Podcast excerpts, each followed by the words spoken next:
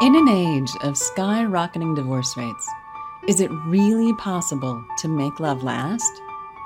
Welcome to the Falling in Love Forever show with doctors Barbara and Michael Grossman, the well known relationship experts and best selling authors of The Marriage Map book. Each week, they share the latest information to help you enjoy your romantic partnerships so you can fall in love forever. Here are your hosts, Doctors Barbara and Michael Grossman. Hi, I'm Dr. Michael Grossman. I'm Dr. Barbara Grossman. And we are the authors of The Marriage Map The Road to Transforming Your Marriage from Ordeal to Adventure. And we talk about how to make relationships work, how to make your marriage joyful, fulfilling, deep, lasting love that gets more and more intense as the years go by. Tonight, we're going to talk about the keys to effective parenting parenting is a huge part of marriage, and each of us have to, in a marriage, work on that parenting activity. And it's quite a challenge. Thoughts, my dear? Well, um, it's wonderful to have children. And when a child enters a, a, a family, a couple's life, um, usually the first bond a child makes is with mom, because mom, um, if she breastfeeds, is connecting with the baby at a, um, a 24 hour cycle of feedings uh, on demand, probably, uh, until it gets more regulated. And so mom and baby are very busy, and mom is tired. And in time, um, you know, that can be less of a demand, but it's a good thing to have a general picture of how important it is to get baby on a schedule. Uh, and um, we, we talk a lot about structure because structure is key for parents to, to um, uh, not get overwhelmed by the presence of a baby.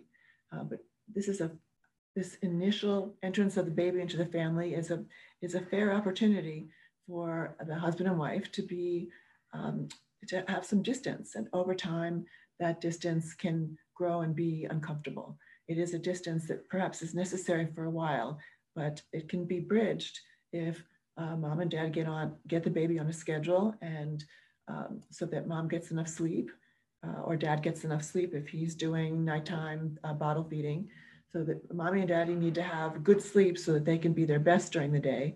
And baby needs to be on a on a routine. It's good for a baby's body to eat the same times every day and sleep the same times every day. And the sooner you get you get that accomplished the better it is for everybody concerned and then um, as baby gets older and baby is so charming, it's real important that baby uh, continues to have an early bedtime so that mommy and daddy have some time for themselves.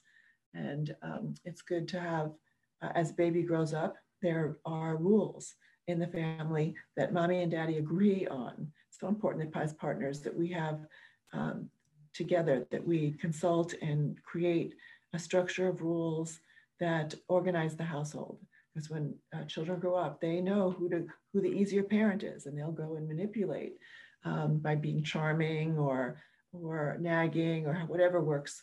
Uh, they'll get the better deal from um, the parent who offers a better deal, and that disconnects the parents. So it's very important that as a husband and wife, you understand that having children is a partnership project, and you want to get in on it on the ground floor before you you feel disconnected. I have lots of couples who come to see me who um, who've just lost that loving feeling because they don't get a chance to connect. They're so busy, focused on the baby, and we have to take care of our babies. But there's a way, you know, structure is our friend.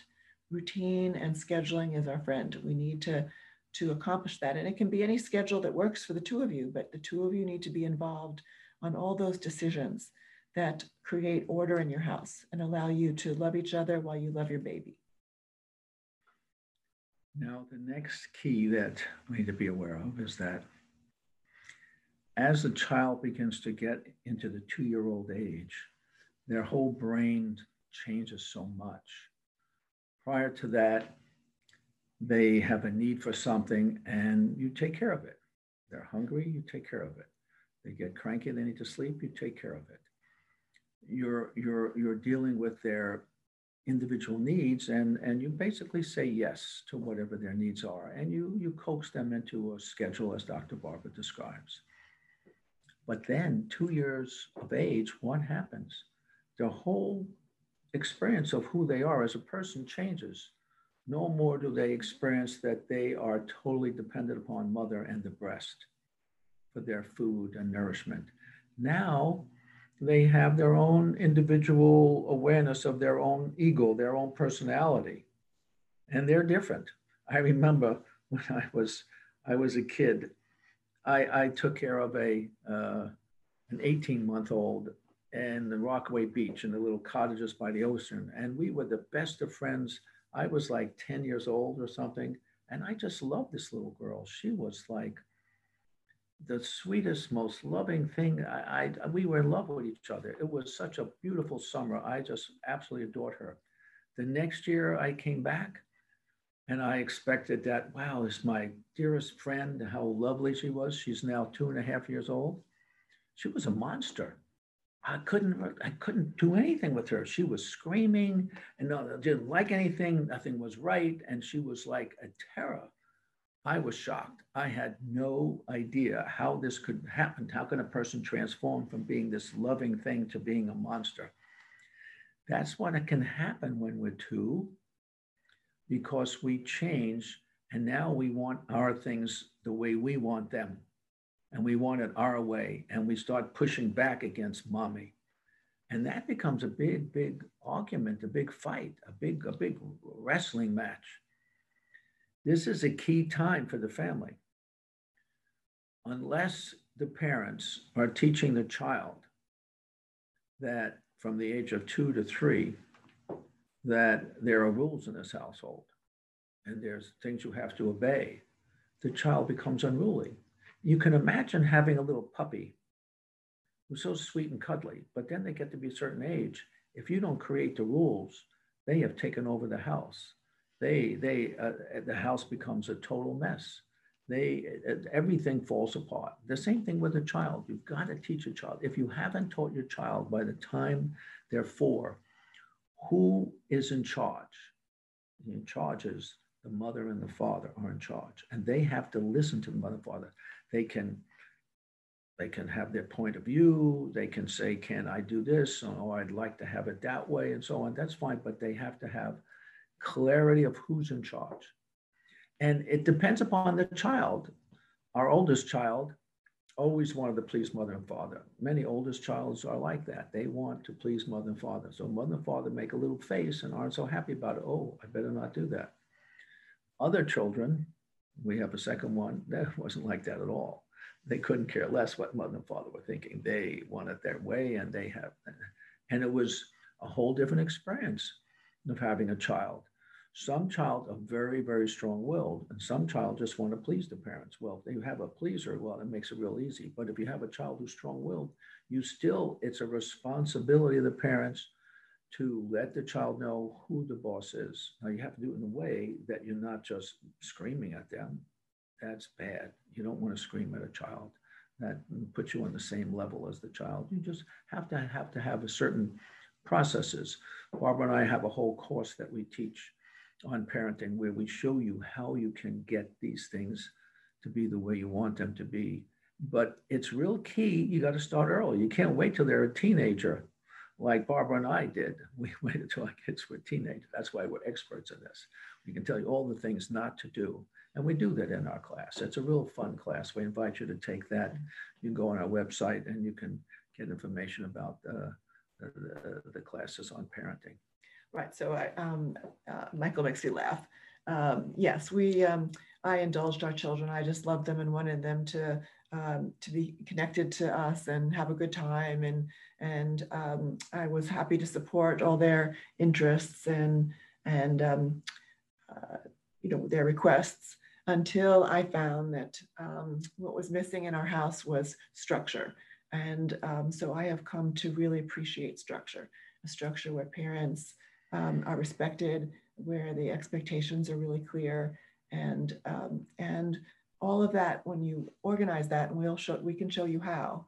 uh, will give you the, the sweetness and the time to enjoy your children by playing games and puzzles and having great family dinners and guests over where you you build a community and and but you need to have that structure it's a balance for the love and and and joy that you have as a family so we're happy to have you join us for our course and what we can say is that when you create these two first keys of creating structure and letting the parent uh, letting the child know who who the authority figures are in the house then you have the opportunity of really experiencing a lot of sweetness.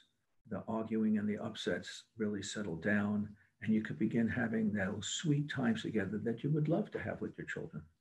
But you could only have those sweet times together once you have created that structure that, that allows that sweetness to come out. And, and part of the structure is that mom and dad are working together. There's no better deal with either parent. And so the children don't have an opportunity to get in, the, in between you.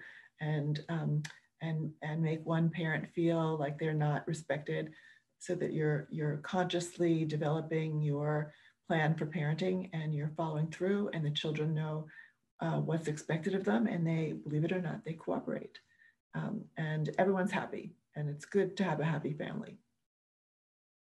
So we invite you to go on our website take our course on parenting take our other courses. We have a whole bunch of courses coming out. And of course you can take our our class on creating intimate marriages that build on love that lasts forever, falling in love forever classes, uh, four two hour classes. You can again go on our website and get that information. It's a pleasure speaking with you. We look forward to hearing from you. Wishing you love. Thanks. Bye now. Thank you for watching the Falling in Love Forever show with doctors Barbara and Michael Grossman. Join us next week for another informative discussion to help you keep your love alive. Be sure to visit us at themarriagemap.com or find out about our relationship classes at fallinginloveforever.com.